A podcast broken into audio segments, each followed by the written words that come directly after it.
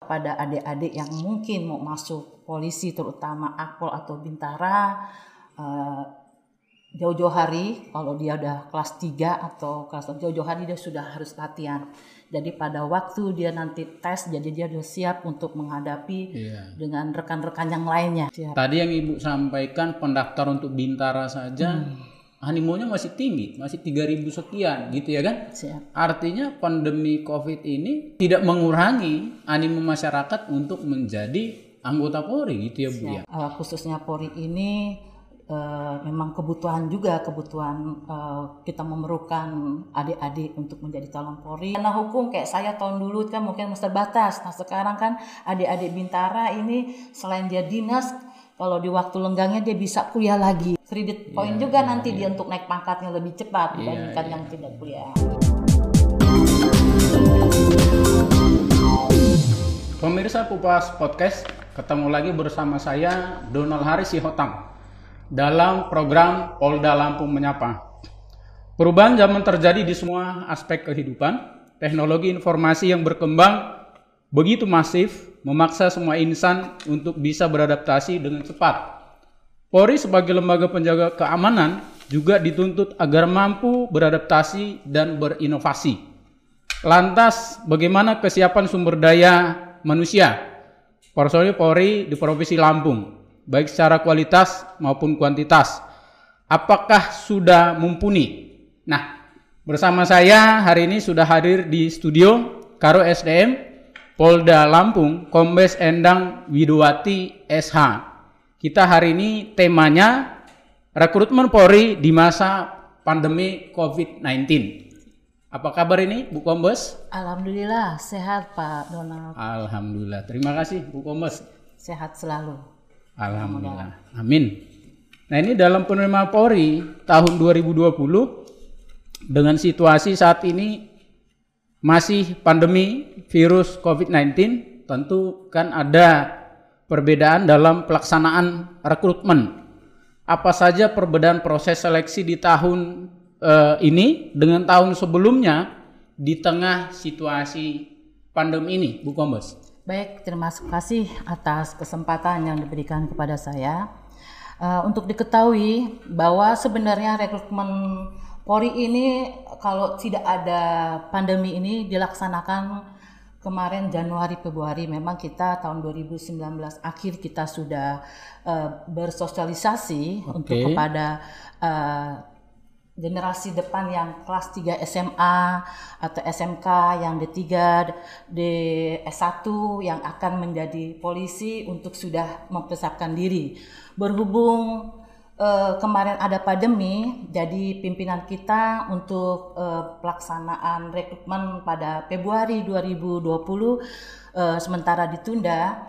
Eh, akan tetapi yang akhirnya uh, pada bulan Agustus atau September uh, pimpinan kita uh, uh, melaksanakan untuk rekrutmen segera dilaksanakan, tapi dengan mempedomani uh, uh, protokol, protokol kesehatan. kesehatan itu Bapak. Jadi untuk pelaksanaannya itu uh, kita mempergunakan protokol kesehatan rekrutmen tersebut dari pertama dia mempersiapkan uh, administrasinya, hmm. dia mau tes uh, kesehatannya, mau dia tes uh, pesinya karena ada beberapa seleksi yang harus dia jalankan uh, sehingga kita sebagai panitianya itu tidak bosan-bosannya untuk menyampaikan kepada adik-adik kita yang akan mempersiapkan diri uh, untuk menjadi uh, calon polisi uh, di masa yang akan datang. Itu Bu Kombes, kalau untuk penerimaan personil Polri itu ya, Siap. itu ada di Biro SDM ya Bu ya? Oh itu ada di Biro SDM. Setiap Polda kita, uh, setiap Polda ada Biro SDM-nya. Okay. Uh, terutama di Kepala Bagian Dalpes, jadi penyediaan personil. Oke. Okay. Jadi lebih spesifik Biro SDM memang mengurusi untuk rekrutmen penerimaan anggota Polri, Siap. gitu ya Bu ya. Jadi memang SDM itu mengurus dari penerimaan sampai pensiun seluruh sampai anggota pensiun. Polri maupun PNS Polri. Oh, Iya, iya, iya, iya. Itu. Kemudian kalau untuk penerimaan anggota Polri sendiri, Bu, kalau tidak salah itu kan ada yang dari Lantama, ada Bintara, ada Akpol, Sumber Sarjana, ada berapa sih, Bu? Eh, terima kasih Pak Donat bahwa eh, di Polri itu eh, Polri ini sudah melaksanakan rekrutmen eh, tahun 2019. Oke. Eh, kemarin Akpol sudah kita laksanakan.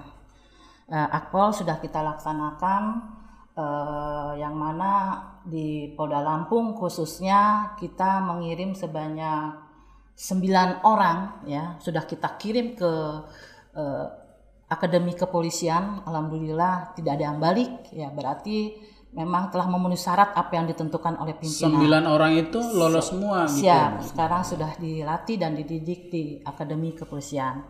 Dan yang sekarang ini Pak Donat untuk diketahui bahwa kita sedang merekrut eh, bintara-bintara polisi ya yang memang seharusnya pelaksanaannya bulan Februari dan pendidikannya bulan Agustus September 2020 karena Covid kemarin akhirnya pada bulan Agustus 2020 ini untuk bintara eh, kita menerima menerima bintara yang tadinya 3000 yang daftar nih ya di Polda Lampung dengan 14 Polres kurang lebih 3000 3279 ya yang sekarang sudah tahap seleksi kesehatan ke- kedua eh, sebanyak eh, 1073 itu terdiri dari bintara-bintaranya itu bintara untuk tugas umum.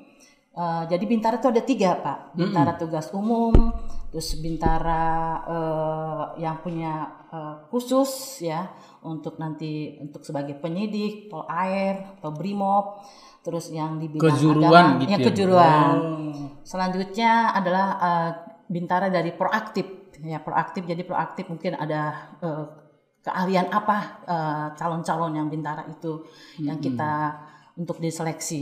Eh, jadi sampai detik ini jumlahnya 1073 untuk seleksi tahap kesehatan yang kedua karena masih ada tahap seleksi selanjutnya. Iya, belum eh, akademisnya, belum nanti ada seleksi untuk eh, mental kepribadiannya sampai nanti eh, mencapai eh, yang diharapkan pimpinan yaitu untuk kota di Lampung ini kurang lebih 250 kota untuk tahun 2020 ini.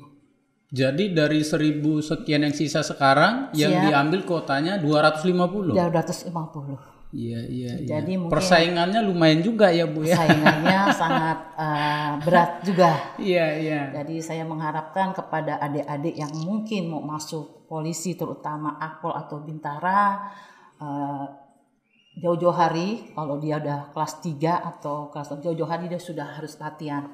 Jadi pada waktu dia nanti tes jadi dia sudah siap untuk menghadapi Iya. dengan rekan-rekan yang lainnya. Karena kita penerimaan itu prinsipnya betah. Betah adalah bersih, transparan, akuntabel. Mm, mm, mm, mm. Jadi jangan percaya sama calo-calo gitu. Nah, itu Pak Donat. Itu. Siap. Iya, iya. Jadi yang sudah dilaksanakan yaitu pendidikan untuk ad- akademi kepolisian sudah selesai. Nah, sekarang kita sedang sibuk eh, untuk penerimaan bintara polisi. Mm, mm, mm. Jadi untuk adik-adik yang menjadi polisi bintara. Iya, iya. Kalau boleh tahu, Bu, ini kan pandemi dari bulan Maret, sekarang sudah di Oktober, berarti udah sekitar tujuh bulan. Siap. Gitu ya. Siap. Tadi yang Ibu sampaikan pendaftar untuk Bintara saja animonya masih tinggi, masih 3000 sekian gitu ya kan? Siap. Artinya pandemi Covid ini tidak begitu apa tidak mengurangi animo masyarakat untuk menjadi anggota Polri gitu ya Bu ya. Betul. Uh, Nah, dengan adanya pandemi ini uh, dari panitia maupun para peserta maupun ruangan yang akan kita siapkan itu benar-benar bersih dengan situasi pandemi ini, Pak. Jadi maksud saya di sini uh, dari pertama uh, kita merekrut ya, kita bagaimana caranya biar tidak berku- kumpul kita bagi berapa orang misalkan kayak contohnya Bagi berapa sesi bagi gitu ya? sesi. Iya, kita harus bisa membagi itu dan semua panitia uh, kita harus rapid test maupun dari pesertanya untuk setiap seleksi event uh, seleksi itu dia harus membawa rapid test yang ditanggung oleh mereka. Karena kita nggak ada. Itu jadi mungkin mereka yang udah siap untuk menjadi misalkan mau daftar polisi itu dia harus disiap maka misalkan pertama ada seleksi pertama yaitu dari redminnya maksudnya redminnya itu administrasinya yang bersangkutan setiap orang ya. Itu terus yang keduanya ada seleksi psikologi. Nah setiap event itu ada eh, nggak semuanya dari pertama daftar sampai menuju seleksi-seleksi itu sistemnya gugur. Dan setiap itu setiap kegiatan kita juga harus eh, rap- rapid test para pesertanya maupun panitianya maupun ruangan yang akan untuk ngetes para siswa. Jadi benar-benar steril.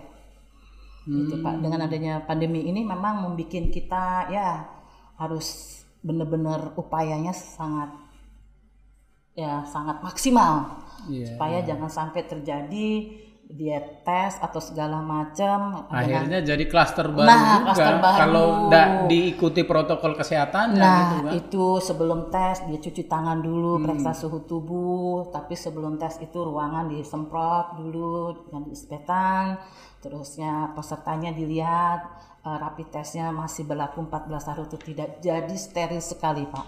Setiap event tes tersebut. Jadi kita mempedomani eh, protokol kesehatan. Iya, iya. Jadi aman ya, Bu ya? Insya Allah mudah-mudahan. Nah sekarang ini adik-adik kita yang seleksi sedang rikes kesehatan kedua. Jadi ada rikes pertama ada rikes kedua. Rikes kedua mungkin yang dalamnya yang mungkin ya pasta urin pasta darah atau jantung itu sedang dilaksanakan. Dan sekarang posisinya yang untuk adik-adik calon bintara itu jumlahnya kurang lebih 10.073 orang ya salah Di Lampung? di Lampung khususnya Lampung. Jadi ini serentak seluruh Indonesia, Pak. Seluruh Indonesia sedang melaksanakan kegiatan rekrutmen eh, penerimaan bintara. Jadi semuanya fokusnya, pedomannya, petunjuknya itu dari Mabes Polri, ASDM Mabes Polri. Iya, iya, iya. Jadi yang saya tangkap begini, Bu Kombes. Artinya pandemi COVID-19 ini Siap. tidak begitu mempengaruhi baik di animo maupun di output Siap. untuk seleksi anggota Polri. Betul begitu, Bu Kombes? Siap, Bapak. Karena mungkin eh, dengan ada pandemi ini mungkin bis apa ya maksudnya itu memberi peluang kepada adik-adik kita ya kan dengan ada pandemi ini kan karena bukan banyaknya sekali dampaknya banyak sekali Pak ya bukan di negara kita di negara yang lainnya juga Iya, seperti itu kan gitu. global kan Ah. ekonomi banyak pengangguran tapi, eh, tapi pimpinan kita eh, khususnya Polri ini eh, memang kebutuhan juga kebutuhan eh, kita memerlukan adik-adik untuk menjadi calon Polri Eh, jadi kita membuka eh, rekrutmen tersebut dengan cara ya kita mempedomani protokol kesehatan. Iya. Tadi Bu Kombes sedikit sudah menyinggung tadi soal seumpama kalau pengen jadi anggota Polri nih, gitu ya kan? Oh ya, Harus sudah mempersiapkan diri jauh-jauh hari gitu. siap. Nah, Bu Kombes mungkin bisa disampaikan ke publik pemirsa kita hal-hal apa saja sih yang perlu dipersiapkan? Karena kadang-kadang kan apalagi generasi sekarang loh, Bu Kombes. Siap. Berpikirnya itu instan, pengennya cepat, hasilnya maksimal gitu. Ya. Baik, eh, untuk diketahui Pak Donat ya, sebelum adik-adik mempersiapkan diri mungkin nih ya, tadi Iya. Pak Donat pernah bilang percaya pada diri sendiri. iya. Sebelum pelaksanaan kita melaksanakan rekrutmen nih Pak eh, Donat, bahwa pimpinan kita khususnya eh, Polri ini pelaksanaan rekrutmen itu pertama dilaksanakan dengan diadakannya fakta integritas. Jadi Oke. sumpah panitia maupun sumpah peserta atau yang menguji ketua tim dibuat sumpah supaya benar-benar yang saya tadi bilang eh, transparan, bersih dan akuntabel tersebut. Nah, itu kita bukan sumpah dulu fakta integritas, baru kita mengadakan seleksi-seleksi beberapa tahap seleksi. Nah, saya tadi pertanyaan Pak Donat, apa sih yang dipersiapkan oleh Iya. adik-adik? mungkin kepada adik-adik yang berminat untuk menjadi polisi, entah itu mau jadi akademi kepolisian Akpol atau mau jadi bintara atau menjadi tantama, pada waktu kita kelas SMA selain kita uh, fokus ke bagaimana kita lulus ke uh, SMA, kita mempersiapkan di, uh, diri yaitu kita pertama kesamataan kita. Mm-mm. Kita harus sehat ya. Fisik ya. Fisik dulu. Ya. Setelah itu kita berlatih untuk latihan psikologi Otak. perlu Iya. IQ Iya. ya. Terus kita juga untuk masuk polisi kita harus tahu akademis apa sih yang jadi eh, permasalahan wawasan kita. Iya, secara umum, Secara pengetahuan umum, pengetahuan gitu ya. umum. Iya, iya. Nah, itu ya mungkin yang harus dipersiapkan pada adik-adik. Pertama kesehatannya, terus eh, kesehatan jasmani kita, kesamataan kita, terus akademis kita, terus kita tinggi badannya mungkin ada nanti persyaratan umum khususnya nanti mungkin adik-adik bisa lihat di setiap polda atau setiap polres ada itu persyaratannya dan itu kalau seandainya kita udah yakin siap dan kita lulus dari SMA atau di SMK atau S1 atau SMA, monggo silakan untuk mendaftar di polisi. Mungkin ini sekarang lagi lagi seleksi nih untuk yang eh, calon bintara. Itu mungkin kiat-kiatnya dari saya. Iya, iya. Nah, kemudian idealnya nih Bu Kombes. Kalau untuk persiapan itu idealnya eh, kira-kira berapa lama? Hmm. Apakah cukup tiga bulan, dua bulan gitu kan? Ya, idealnya Apakah harus satu tahun sebelumnya? Ya, idealnya sih kalau bisa eh, satu tahun sebelumnya, jangan Gitu ya? sampai mendadak mau wah besok ada daftar polisi dua bulan atau sebulan kita baru siapkan diri. Iya. Tapi harus yakin di diri kita bahwa kita mau mengabdi negara dengan cara masuk polisi. Kita harus dari jauh-jauh hari kita sudah Iya, mempersiapkan diri. Jadi memang kalau punya keinginan yang kuat, pengen jadi anggota Polri, gitu ya. Siap. Berarti persiapannya kan harus matang, harus maksimal. Betul. Gitu ya, Bu Kombes ya. Paling enggak mungkin satu tahun lah. Betul. Satu tahun itu untuk menunjukkan bahwasanya dia betul-betul serius, sungguh-sungguh gitu. Betul. Tapi juga jangan patah semangat karena kita bersaing dengan eh, rekan-rekan kita. Karena yang lain melakukan persiapan yang sama Nah, juga gitu. yang sama karena menuju ke sampai menjadi po- polisinya mungkin ya ya kadang memang kan suka berhasil suka tidak Iya. ya, Pak, ya. Jadi tetap semangat. Ada yang sampai dua dua, dua kali, tiga kali, Iya, tapi alhamdulillah yang keempat kalinya dia lulus. Iya, Nah, iya. Sekali lagi mungkin untuk adik-adik yang akan masuk polisi yakin kepada diri sendiri. Jadi jangan yakin dengan adanya sponsorship atau segala macam. Iya, iya. Kadang-kadang kan ada orang nawarin nih, udah saya bisa ini nih Jangan gitu. ya. percaya istilahnya calo. Iya, iya. Karena sebelum kita action untuk eh, mengikuti seleksi untuk menjadi calon polisi itu kita sudah disumpah. Iya. Baik itu pesertanya, panitianya maupun ketua tim pengujinya semua Iya. sudah disumpah. Jadi yang bisa meloloskan hanya peserta itu sendiri, gitu Diri- ya. Dari diri sendiri. Dirinya sendiri, gitu. Iya, iya. Nah, ini Bu Kombes, kita cerita tadi soal rekrutmen. Tapi sebelum masuk ke situ, tadi Bu Kombes sampaikan, ternyata memang kalau kalah sekali, jangan langsung menyerah, gitu ya kan? Betul. Kita coba lagi kedua. Siap. Kalah dua kali, coba lagi, gitu. Yang penting di mana kira-kira kekurangannya, nah itu kemudian yang dievaluasi dan diperkuat. Mungkin gitu ya Bu Betul Kombes, Pak ya. Dona. Jadi oh tahun kemarin saya kurang larinya, berarti tahun depan kita harus kuat Iya. larinya. Oh kemarin saya kurang psikologinya, oh, berarti harus banyak latihan untuk Iya, psikologi atau akademisnya. Jadi sudah ada bayangan. Iya. Dan itu juga berkat diri sendiri juga berkat dari doa orang tua juga Iya, mungkin. iya. Kalau orang tuanya jangan bilang udah jangan masuk polisi lah. Udah jadi apa? Nah, itu berkat doa dari Iya. orang tua juga. Ya, tergantung nasib kita juga lah sama orang tua kita. Benar nggak Pak Dona? Iya betul. Jadi di samping usaha, ikhtiar juga memang harus berserah juga Ya, dengan yang di atas. Karena garis tangan katanya sudah ada yang ngatur ya Sudah Bu yang Kombes ya. betul Pak Dona. Iya iya. Nah kemudian soal rekrutmen ini Bu Kombes. Sekarang masih nggak sih penerimaan dari apa namanya Tamtama? Masih Pak. Masih. Masih ada. Masih setiap tahun? Setiap tahun masih ada. Eh, masih ada. Kalau untuk kuotanya, gimana perbandingannya Bu? Nanti Lebih mungkin- banyak Bintara gitu ya Siap, dibandingkan Bapak. Tantama. Siap, Kemudian kalau sumber sarjana, Nah, sumber sarjana untuk diketahui adik-adik yang akan masuk eh, polisi dari sumber sarjana itu tergantung dari Mabes Polri. Dia eh, dari Mabes Polri itu bisa mengetahui sumber sarjana disiplin ilmu apa yang sekarang lagi dibutuhkan di Polri itu. jadi ndak setiap tahun seumpama Sarjana dari sarjana kedokteran, ekonomi, Nah, tergantung kebutuhan Ah, gitu ya. kebutuhan eh, di Mabes Polri-nya sekarang Ya. kayaknya dokter perlu sekali karena Ya. ada COVID. Iya, nah, iya. itu kita merekrut. Terus adanya apa nuklir ya mungkin Iya, karena iya. ada bom sana sini. Iya. Nah, dibutuhkan eh, sarjana dari Sesuai nuklir. dengan dinamika Kan kebutuhan di- organisasi gitu ya. Kalau mungkin kalau sarjana hukum kayak saya tahun dulu kan mungkin masih terbatas. Nah sekarang kan adik-adik Bintara ini selain dia dinas, kalau di waktu lenggangnya dia bisa kuliah lagi. Jadi Hmm. pimpinan kita teratas itu selain dia dinas juga dia bisa kuliah lagi, Hmm. Pak Donat. Terserah dia mau ngambil uh, hukum atau ekonomi atau mau S1, Iya, S2 karena itu ada kredit poin juga nanti dia untuk naik pangkatnya lebih cepat Iya, dibandingkan yang tidak kuliah.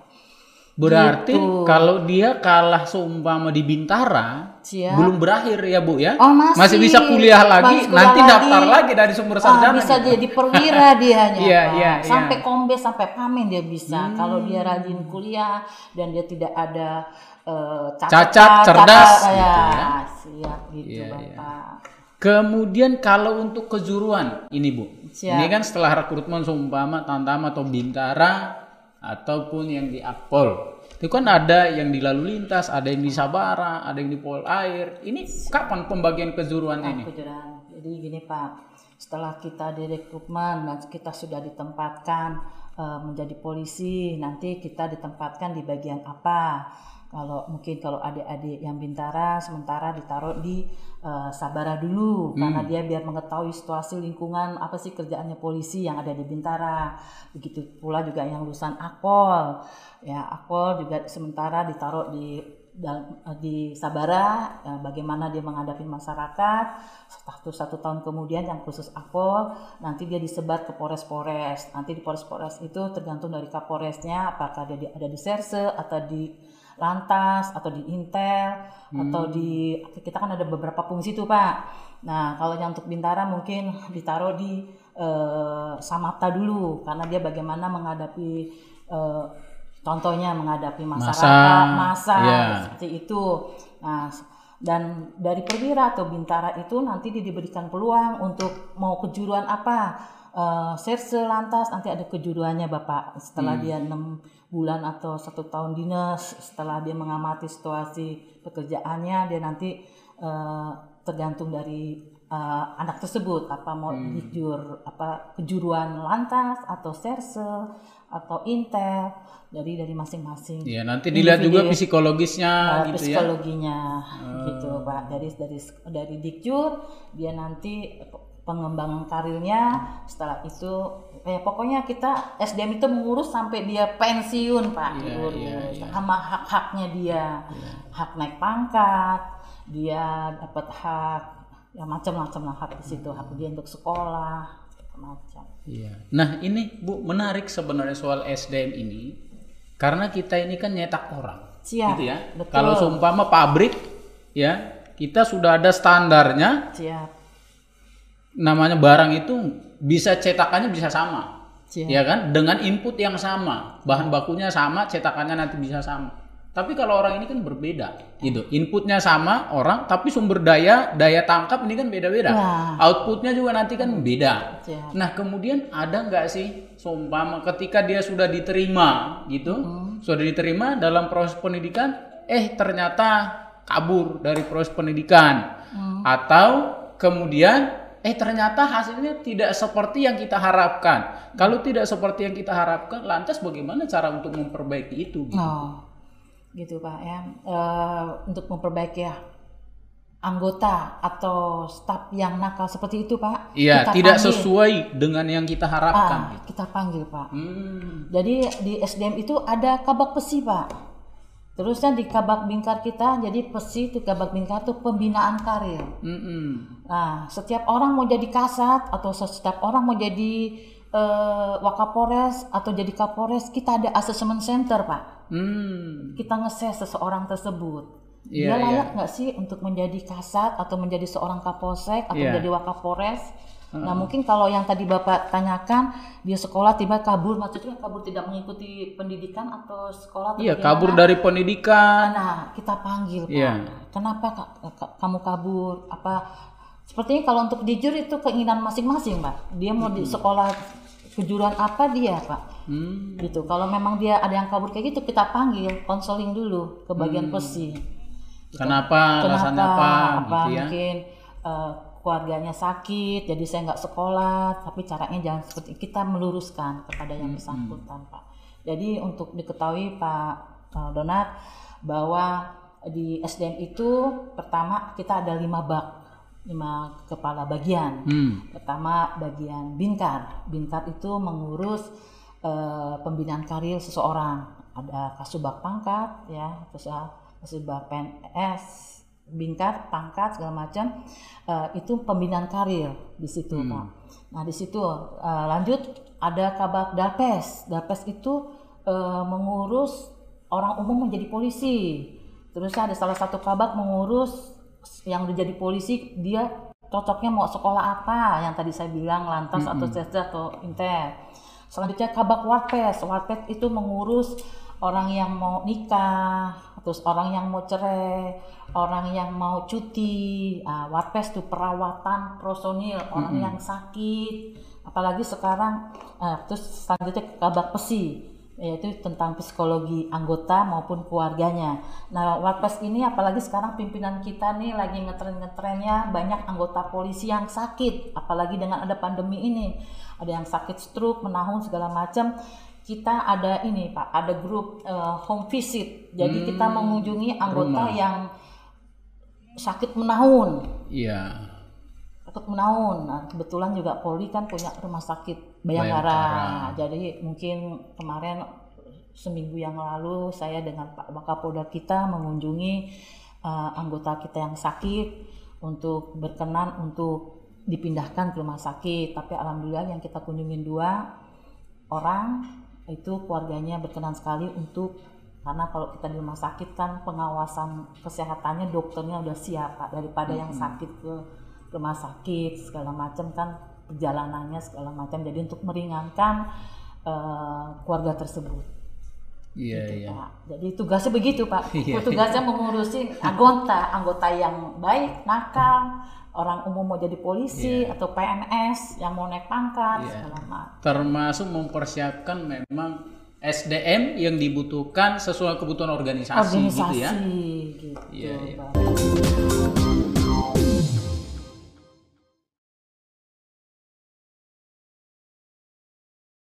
Gimana caranya? Karena Polri ini masih masih sangat membutuhkan anggota, apalagi masyarakat kita sudah banyak sekali. nih. Adik-adik kita yang ada prestasi, mudah-mudahan keterima sehingga ya menambah kekuatan khususnya di Polda Lampung. Yang Pak Kombes perempuan ada berapa banyak di Indonesia di tubuh Polri? Waduh, banyak, Banyak? Bapak. Sudah banyak? Sudah banyak, Bapak. Luar Polda. biasa. Untuk jadi jenderal juga banyak, Bapak. Kalau dipikir-pikir itu bukan Polda Lampung aja, Polda lainnya tuh itu kekurangan personil. Oh, Gitu. Makanya gimana caranya mungkin pimpinan kita tertinggi ini ya bisa bagi-bagi anggotanya lah merata. Kemudian saya tertarik tadi tuh Bu Kombes tadi menyinggung soal assessment center, gitu ya. Siap. Nah ini kan Pak Kapolri Jenderal Idam Aziz telah meresmikan sistem assessment center ini sebagai metode penilaian yang berbasis kompetensi, Betul. didesain dengan mengikuti standar internasional. Siap. Eh, bisa dijelaskan nggak sih Bu Kombes? Maksudnya sistem assessment itu seperti apa? Oh, siap Bapak. Jadi eh, kebetulan saya sebelum jadi Karo SDM di Polda Lampung, saya pernah jadi Karo SDM di Yogyakarta. Mm-mm. Dan sebelum jadi Karo SDM Yogyakarta, eh, saya pernah dinas di assessment center, ya, yang mana eh, assessment center di Mabes itu di bawah di bawah bak pen kompeten penilaian kompetensi ya di naungan bak bingkar robingkar. salah satu robingkar itu. Nah asesmen center itu Polri itu baru mendirikan kalau tidak salah ya 2000 2010 mungkin ya. Nah di situ didirikan kalau khusus di Mabes itu untuk menjadi Kapolres, untuk menjadi Kapolda atau mau jadi Kapolri itu ditesnya melalui asesmen center yang di Mabes Polri. Kalau di Polda-Polda ini baru dari Mempannya alhamdulillah tadinya tuh eh apa ya Bakpen kompeten ini tadinya baru hanya baru di Mabes. Di Polda itu di bawah naungan Bak Bingkar juga. Mm-mm. Bak Bingkar itu baru terlaksana baru udah dua tahun tiga tahun yang lalu. Jadi khusus yang asesmen center tuh bak pen kompeten itu di Polda, dia itu mengetes anggota yang ingin menjadi kapolsek, yang tadi saya bilang kapolsek, menjadi kasat di Polres atau menjadi wakapolres Jadi harus mengikuti asesmen itu asesmen dulu. center itu.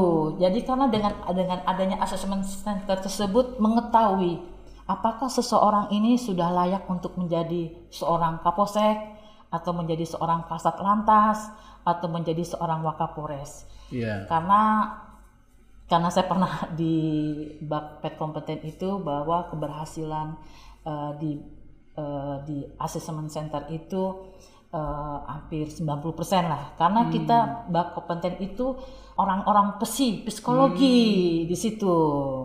Karena kan mau mengetahui Mm-mm. seseorang ini layak nggak sih menjadi seorang kapolres atau menjadi seorang eh, kasat atau itu. Jadi polisi itu yang tadi saya bilang bahwa polisi itu ada polisi umum, ada yang dari sarjana psikologi. Jadi rata-rata tuh yang di bak kompeten itu diisi oleh orang pesi. Jadi kita didampingi oleh orang pesi untuk mengetes anggota Polri apakah layak dia menjadi seorang kapolsek atau kasat atau menjadi wakapolres. Atau Jadi nggak asal tunjuk gitu ya? Nggak asal tunjuk Bapak, nggak asal tunjuk. Yang pertama itu Bapak, dia memenuhi syarat atau tidak. Iya iya. Nah itu makanya setiap anggota tuh wajib untuk dites itu Pak. Iya. Nah, kalau Bintara mungkin contohnya sekarang nih ada bupati pemilihan bupati. Iya. Nah, Pilkada. ah, pilkada ini kan waprinya kan harus dari polis. Dia layak Iya. nggak sih? Bisa nggak sih nanti ngelayanin wapri? Iya. Kita tes itu Pak. Jadi ada kompetensi pelayanan Iya. atau apa. Jadi melalui asesmen center dulu. Keduanya Iya, iya. baru atensi dari pimpinan Hmm. karena pimpinan melihat kinerjanya. Oh, yang pantas dia hasil asesmennya apa. Jadi untuk bahan bahan apa ya namanya? Memilih seseorang menjabat sesuatu. Jadi Iya. seseorang dijabat tuh nggak asal tunjuk saja pimpinan. Iya iya. Jadi pimpinan melihat kinerjanya tiap hari. Kualifikasi Ah, gitu ya. Jadi ada beberapa alternatif Kriteria. kriteria, untuk memilih seseorang. Jadi emansipasi ya, baik laki dengan perempuan kalau di institusi Polri terbuka kesempatan yang sama Aduh, gitu ya alhamdulillah, Bapak. Ah, nah, jadi ya itu. Jadi kita gimana caranya kerja yang benar, terus tunjukkan kepada pimpinan. Kalau ini Bu Kombes, sekarang kayak Ibu Kombes ini Bu Endang, yang Pak Kombes perempuan ada berapa banyak di Indonesia di tubuh Polri? Waduh, banyak, Banyak? Bapak. Sudah banyak? Sudah banyak, Bapak. Luar Polres. biasa. Untuk jadi jenderal juga banyak, Bapak. Sudah ada berapa ya? Itu datanya ada di Mabes, Pak. Banyak juga yang udah jadi jenderal. Siap. itu untuk jadi jenderal harus sekolah lagi, Pak. Iya, iya. Sekolah lagi. Kalau Iya, saya iya. mungkin wah sudah lewat, Pak. kan bisa Lemhanas, bisa Sespati Nah, gitu. itu, Pak. Kalau saya usianya sudah lewat. Iya, iya, iya. Siap. Bisa kalau polwan untuk menjadi jenderal itu harus Terbuka peluang yang sama peluang ya. yang sama. Mau itu lulusan dari Akpol, entah itu lulusan dari Sumber Sajana maupun lulusan dari Bintara. Bintara aja sekarang udah menjadi kombes juga ada yang dulunya Bintara dia sekolah lagi menjadi pamen, pama. Tuh, sekarang Iya, sudah jadi bintang satu juga ada. Bapak. Mm-mm. Terakhir sih yang apa yang banyak publik tahu kayak ketua KPK yang lama Ah, Basaria itu. gitu ya. Basaria kan? itu senior saya Bapak. Oh. Dia dari sumber sajana. Tadinya basicnya ekonomi, mungkin sarjana Iya, ekonomi iya, iya. karena beliau rajin kuliah lagi, kuliah Iya, lagi, iya, iya. akhirnya jadi kap, eh, Iya, KPK. iya, iya, iya. Ternyata banyak juga yang jadi jenderal ya Bu ya. Siap, amin. Amin amin. Nah, kemudian ini Bu, sering publik kan melihat, menonton atau menerima informasi ketika ada seseorang yang diduga atau terperiksa, biasanya itu langsung ditarik ke Yanma, gitu ya. Nah, apakah di Yanma ini memang itu eh, dilakukan pembinaan atau seperti apa sih Bu? Kenapa digeser ke sana gitu? Dia digeser ke Yanma. Gini Pak, eh, supaya di Yanma itu bukan pembuangan ya Pak ya. Mm-mm. Kalau o- orang yang oknum ya, anggota yang nakal ya kan, nakal. Tiba-tiba kalau kita taruh tempat opsional, apakah dia nggak mengulang lagi? Jadi maksudnya tuh bukan dibuang Pak, biar dia menyadarkan diri. Kalau di Yanma tuh. Jadi di situ diperbaiki lah gitu ya. mindsetnya Iya, dia. iya. Nanti kalau sudah dia pemutihan atau dia sudah sadar, nah nanti kita kembalikan lagi sesuai fungsinya dengan harapan dia tidak mengulangi perbuatan yang sudah dilakukan. Hmm. Gitu. Iya, iya. Nah, Jadi di situ dilakukan pembinaan, gitu ya Bu ya. Siap, Iya, iya. Bapak. Bukan buangan itu, Pak. Biar dia sadar gitu. Iya, karena sering kita ini kalau seseorang diduga sumpah bermasalah, ada oknum, terperiksa gitu. Siap. Biasanya langsung ditarik ke Yanma gitu. Siap, Bapak. Lalu kan kita melihat loh, kenapa ditarik ke Yanma gitu. Siap. Ternyata ini baru tahu Iya. kalau di Yanma itu Nggak selalu di Yanma sih Pak, kadang-kadang taruh di SDM, tapi di SDM-nya disetap, Hmm. Iya. gitu loh Pak. Nah, mungkin di staf atau di mana supaya dia nggak nakal lagi, biar supaya mindsetnya dia tuh tidak oh ya saya salah ya, Iya. nah, gitu Pak. Jadi biar dia introspeksi diri. Iya, Kalau iya. ditaruh tempat opsional nanti dia berbuat seperti itu lah. Iya, iya. Nah, kemudian begini, Bu. Masing-masing daerah ini kan punya ciri khas yang berbeda. Gitu ya. Artinya Sumatera dengan Pulau Jawa, bahkan di Lampung ini terdiri dari 15 kabupaten kota. Siap. Karakter masyarakatnya juga berbeda-beda di sini, gitu ya kan? Untuk menempatkan pejabat gitu di masing-masing wilayah kita sebutlah 15 kabupaten kota ini, Siap. gitu ya kan? Siap. supaya pendekatan kulturalnya lebih dekat gitu ya kan adakah pertimbangan seumpama memang putra-putra daerah kemudian yang pertimbangkan untuk menjadi pejabat di daerah masing-masing itu gitu Hmm. apakah masuk kriteria salah satu kriteria itu masuk untuk eh, menetapkan seorang pejabat di satu posisi dalam satu wilayah Hmm, itu mungkin pimpinan yang teratas Hmm. bapak yang menentukan dia berada di mana di mananya itu tergantung dari pimpinan teratas. Hmm. Ini khusus yang apa nih PJU-nya atau sapanya? Seumpama seperti contoh untuk jabatan mungkin strategis Kapolsek gitu Oh, ya kan, oh, Kapolres gitu kan. Siap. Nah, jadi seperti tadi kan kita 15 kabupaten kota ini Iya, gitu ya kan siap. di Provinsi Lampung gitu. Oke. Berbagai karakter Iya. di masing-masing daerah ini. Hmm. Nah, ini kan sering terjadi kadang-kadang ada terjadi bentrok antar kelompok, ada konflik komunal gitu ya kan. Iya. Untuk supaya pendekatan lebih lebih Hmm. mudah, pendekatan kultural apa kultur kulturnya gitu ya kan. Adakah seumpama memang pertimbangan juga salah satu pertimbangan putra daerah kemudian yang ditugaskan di daerah tersebut. Itu juga tergantung dari pimpinan, Pak. Uh, Dia menjadi kapolsek di mana. Yang intinya, Pak, untuk menjadi kapolsek ini kita ada 14 atau 15 polres di Lampung. Siapa yang menjadi kapolsek? Pertama hasil dari asesmen. Yang kedua kebijakan pimpinan. Nah, kita sebagai Biro SDM kita hanya menyajikan bahwa hasil asesmen yang bersangkutan Kapolsek adalah si A, si B, si C. Nah, selanjutnya siapa yang menjadi Kapolsek itu eh, pimpinan yang menentukan karena eh, beliau mungkin yang lebih tahu oh ini dia sanggup menghadapi di polsek ini, eh, sanggup dia menghadapi polsek itu dan minta pertimbangan. Jadi itu. Jadi saling kita ada dewan wanjak Pak untuk memilih seseorang. Jadi eh, tapi semuanya semua ke orang pertama. Contohnya di sini ya, Kapolda yang menentukan dia di mana di mana karena yang mengetahui daerahnya rawan atau tidak kan dan dia bisa menghadapi yaitu pimpinan. Jadi kita bukan dari SDM, kita hanya menyajikan dan keputusan semua tergantung dari pimpinan kita. Kita suplai data informasi Data gitu ya. informasi. Kemudian nanti Wanjab yang memutuskan kira-kira paling pantas paling layak gitu ya Bu Itu. Kombes ya. Tapi SDM menyuplai semua company profile masing-masing anggota masing-masing. ini ya dengan di- background dikjurnya ini Iya, jenderal ini dia udah pernah asesmen jenderal nah semua keputusan dari pimpinan orang Iya, pertama iya, orang iya. kedua gitu Iya. Nah kemudian Bu Kombes sekarang ini kan masih masa pandemi. siap Kita ndak tahu kapan masa pandemi ini berakhir. Nah, itu. Iya. Kita sih berharap kita berdoa gitu. Karena urusan pandemi ini memang berdampak ke semua sektor. Betul. Gitu ya kan? Nah mungkin di Polri juga termasuk dalam meningkatkan kualitas SDM-nya. betul Artinya urusan pandemi ini juga sedikit banyak mungkin juga mempengaruhi. Betul. Gitu ya. Nah pengaruh yang paling dirasakan apa ini Bu Kombes? dampaknya dengan pandemi ini contohnya yang di opsional semakin banyak lah pengangguran banyak yang masalah. Iya, ya iya, yang di iya. serse-nya banyak kegiatan dampaknya kepada masyarakat. Dan kita harus lebih anggota polisinya harus lebih fit lebih sehat. Makanya nggak bosan-bosan jaga kesehatan eh, ruangan dibersihkan ruangan kantor. Jangan sampai ada poster baru di ruangan. Apalagi dengan dampaknya pandemi ini kan dampaknya ke masyarakat banyaknya pengangguran kejahatan makin melonjak kan jadi semakin kerjaan kita semakin Iya. double Iya, iya, yang khususnya yang di opsional nih Pak. Iya, iya. gitu jadi makanya pimpinan di Polri ini nggak bosan-bosannya setiap apel setiap apa eh, memberi itu apa protokol kesehatan segala macam terus eh, mungkin di satker yang lain ada yang sebagian eh, kerja di rumah apa work from home itu WFH ya.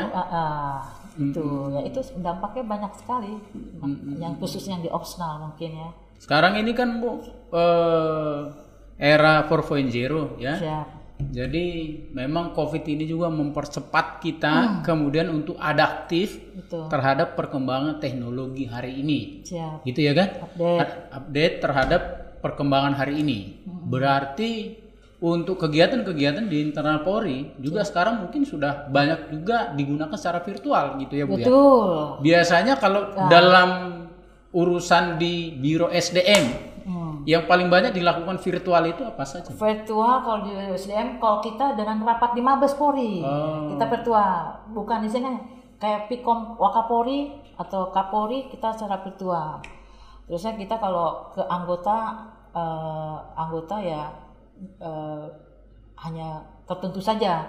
Nggak semua anggota mungkin perwakilan kabaknya untuk dapat untuk ditujukan kepada anggota-anggota yang lain. Biasa kan kumpul bersama. Mm-mm. itu.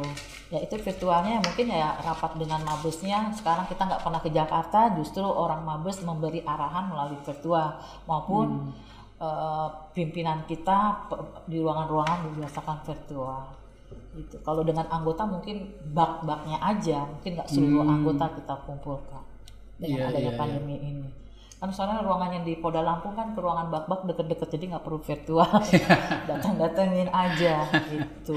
Mungkin ke ke Polres-Polres mungkin ke Polres-Polres ke Kabakan di Polres ada SDM-nya ya, Kabak Sunda namanya Oh kalau di Polres namanya Kabak Sunda. Kabak Sunda Kepala Bagian Sumber Daya Manusia Oh. jadi kita ada kepanjangannya di sana Kabak Sunda yang mengurus seperti kita ini nah Iya. mungkin itu kita ber- berdasarkan virtual jadi kita nggak mungkin ke Lampung Barat ke Lampung Selatan jadi kita melalui itu kalau dengan bak-bak kita ya kita hanya panggil kabak-kabaknya Mm-mm. kalau ke Mabes mungkin Kapolri atau Wakapolri melalui virtual Mm-mm. begitu Bapak Iya, iya. Pak. Jadi koordinasi kalau dengan Polres Kabupaten Kota hari ini tidak tatap muka lagi, kita tatap tapi muka. menggunakan fasilitas teknologi virtual Siap, yang ada hari ini, yang gitu ada, ya. Itu. Jadi kerjaan kita polisi tetap berjalan Pak, walaupun ada pandemi ini, tapi kita tetap uh, sesuai protokol kesehatan. Apa sih yang paling ditekankan Bu di protokol kesehatan kalau di institusi Polri? Yang ditekankan pertama ya uh, secara umum lah Pak, ya jangan berkumpul. Pertama mencuci tangan, pakai masker, ya kan? Ya itu yang 3M, ah, 3M ya. Satu Iya. T itu Mencuci jarak, tangan, memakai masker, gitu ya, siap. menggunakan hand sanitizer, gitu ya. jaga jarak terusnya ruangan dibersihkan eh, itu seminggu sekali itu ruangan disemprot itu jangan sampai ada poster baru itu aja yang penekanan Oh. Jadi kalau ruangan kantor itu hampir tiap minggu disemprot terus ya gitu Bu? kalau kita itu tergantung dari satkernya kayak Ah. saya dua minggu sekali minta tolong disemprot sama tim kesehatan 14 hari minta rapid test ke koordinasi dengan kabin dokes terus kita Hmm. memantau anggota kita sehat atau tidak khususnya saya sebagai ketua SDM memantau anggota-anggota kita yang sakit siapa hari ini jadi memang tiap minggu tuh khusus hari Rebo masing-masing satker untuk mengurus atau ada apel satker pak. Hmm. Jadi kita bisa mengetahui anggota kita yang masuk dan tidak masuk Hmm, hmm, hmm. dan sakit atau tidak. Jadi diberikan seminggu itu uh, masing-masing satker untuk uh, ketemu dengan baknya. Hmm, hmm, hmm. Kalau yang lain-lainnya mungkin ada apel gabungan istilahnya dengan satker yang lain. Iya iya iya. iya. Nah kemudian begini Bu Kombes, kalau tidak salah data yang kita dapat itu secara nasional jumlah Polri itu sekarang ada sekitar 500 ribu itu jumlah keseluruhan Iya. gitu ya. Kemudian dari apa namanya eh, Mabes Polri itu membuat semacam simulasi ya idealnya kalau satu Polri itu dia menjaga sekitar 350 lah 350 orang gitu nah kalau kita di Lampung ini berapa sih jumlah personil yang ada di Lampung kemudian sudah ideal atau belum gitu Bu? Nah, kalau mengenai ideal atau tidak Pak, semua Polda itu kekurangan Pak. gitu ya Siapa? Kita tuh di Polda Lampung ini seluruhnya tuh hampir 10.400. Eh, yang di Polda itu ada berapa ratus. Kalau dipikir-pikir itu bukan Polda Lampung aja, Polda lainnya tuh, tuh kekurangan personil. oh. Gitu. Makanya gimana caranya mungkin pimpinan kita tertinggi ini ya bisa bagi-bagi anggotanya lah merata. Gitu pak. Semuanya pak. Gitu. Makanya tahun ini walaupun ada pandemi ini ya kita mengadakan rekrutmen. Gitu gimana caranya? Karena Polri ini masih masih sangat membutuhkan anggota. Apalagi masyarakat kita sudah banyak sekali ya semakin banyak masyarakatnya persoalannya pun makin kompleks makin gitu. kompleks. Sedangkan anggota makin kurang Iya. kan? Ya itu semuanya pak bukan di Polda Lampung aja. Semua Polda Iya, masih kekurangan personil bapak. Tapi kembali lagi urusannya mungkin kemampuan negara juga, kemampuan fiskal yang terbatas, Terbatas, gitu ya kan? Dilakukan rekrutmen besar-besaran kalau nggak mampu gaji, Ya itu bapak, apalagi sekarang kondisi kita seperti ini. Iya, Kemarin iya. kan tahu sendiri bagaimana dengan ada pandemi ini. Mungkin bukan negara kita aja pak, negara yang lain lebih parah lagi. ya. Nah, makanya mudah-mudahan dengan adanya pandemi ini pimpinan tertinggi untuk mengadakan rekrutmen berarti kan mengurangin eh, pengangguran ya Pak ya adik-adik kita yang ada prestasi mudah-mudahan keterima sehingga ya menambah kekuatan khususnya di Polda Lampung. Mm-mm. Tapi alhamdulillah kita udah mencapai seleksi yang keberapa ini ya.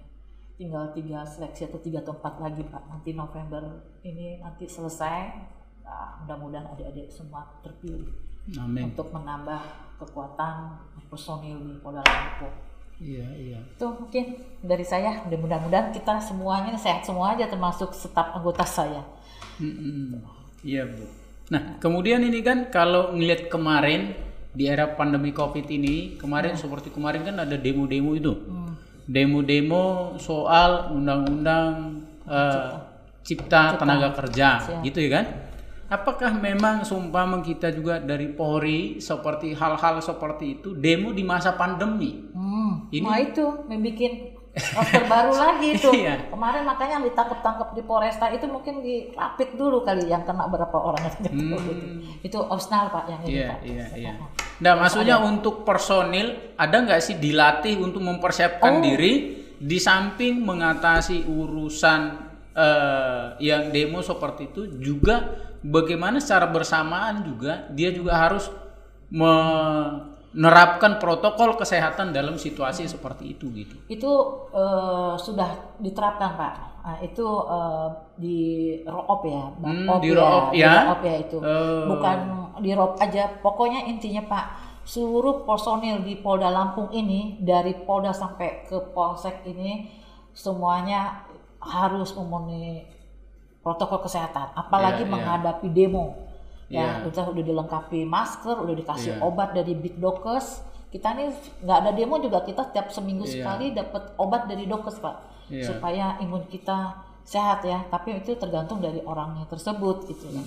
Makanya kayak kayak apel kasih jarak, terus tiap ini kita kasih masker dari masing-masing satkernya dari Big Dokes kita juga memberikan vitamin kepada Iya, khusus yang di Polda eh, Lampung maupun di Polres-Polres jajaran. Pak. Ya Jadi, mudah-mudahan sehat iya. semua lah Pak. Dengan anggota juga selalu ditekankan terutama yang di lapangan Yang di lapangan keselamatan itu yang nomor satu itu gitu ya. Itu ya, Pak. Ya, ya.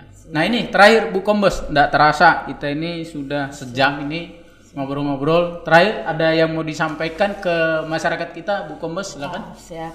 Baik, terima kasih Pak Donat kepada masyarakat atau adik-adik kita yang ingin masuk polisi, baik itu masuk Akpol atau Bintara atau Tamtama.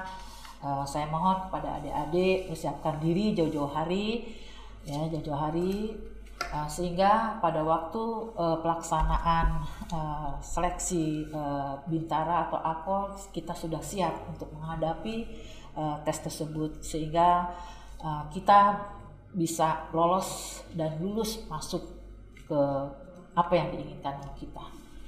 Untuk itu kepada adik-adik tetap semangat, tetap latihan jauh-jauh hari, jangan pas sebulan dua bulan ada penerimaan baru kita latihan maksimal. Itu mungkin dari saya. Terima kasih. Ya, terima kasih Bu Kombes. Demikian tadi eh, pemirsa, sahabat Kupas Podcast, bincang-bincang kita tidak terasa satu jam dengan Karo SDM eh, Polda Lampung, Ibu Kombes Endang Widowati. Mudah-mudahan tadi apa yang kita berbincangkan bisa menambah wawasan, menambah ilmu bagi masyarakat pemirsa yang menonton acara kegiatan kita pada hari ini. Uh, tadi Bu Kombes menyampaikan terutama bagi yang punya keinginan untuk menjadi calon uh, anggota Polri supaya memang mempersiapkan diri dengan sebaik-baiknya dan menghindari yang namanya calo. Begitu ya Bu ya? Demikian dari saya Donald Hari Sihotang. Kita ketemu lagi di hari Jumat minggu depan di waktu dan program yang sama. Sekian dan terima kasih.